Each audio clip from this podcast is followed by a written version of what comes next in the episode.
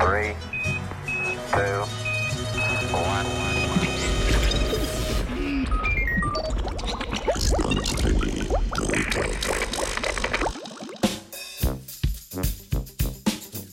Marljiv kot mravlja.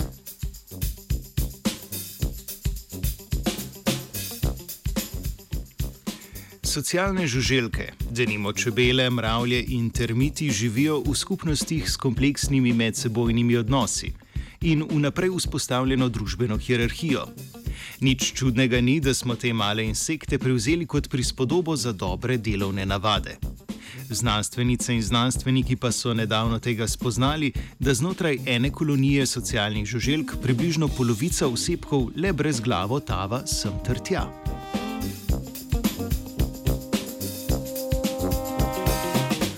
Ob tem spoznanju so različni znanstveniki hitro postavili delovne hipoteze, zakaj je tako.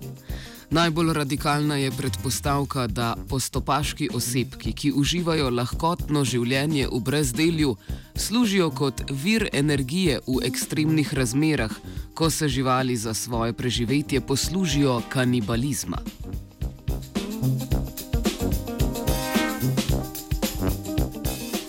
V preteklem mesecu je v reviji PLOS ONE skupina britanskih in ameriških znanstvenikov ter znanstvenic ponudila odgovor, zakaj je tako. Raziskavo so opravili na mravljah vrste Temnotorax rugatulus, splošno razširjene na vzhodu Združenih držav Amerike.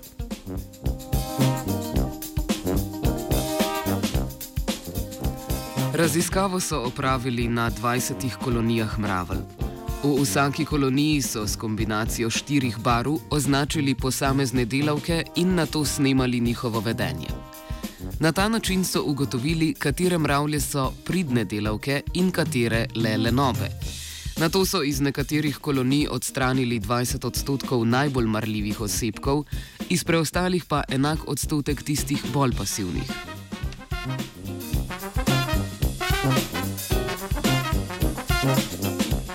Ugotovili so, da so v kolonijah, iz katerih so odstranili najbolj mrljive osebke, njihovo vlogo po enem tednu popolnoma prevzele prej neaktivne mravlje. Na podlagi teh rezultatov sklepajo, da lene mravlje služijo kot rezervna delovna sila, ki ob večjih motnjah omogoča nemoteno funkcioniranje kolonije kot celote.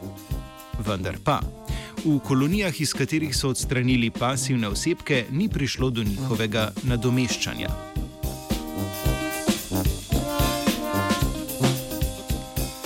Ob tem spoznanju lahko malo za šalo zaključimo, da se v svetu mravelj len že rodiš in tak ne postaneš tekom svojega življenja.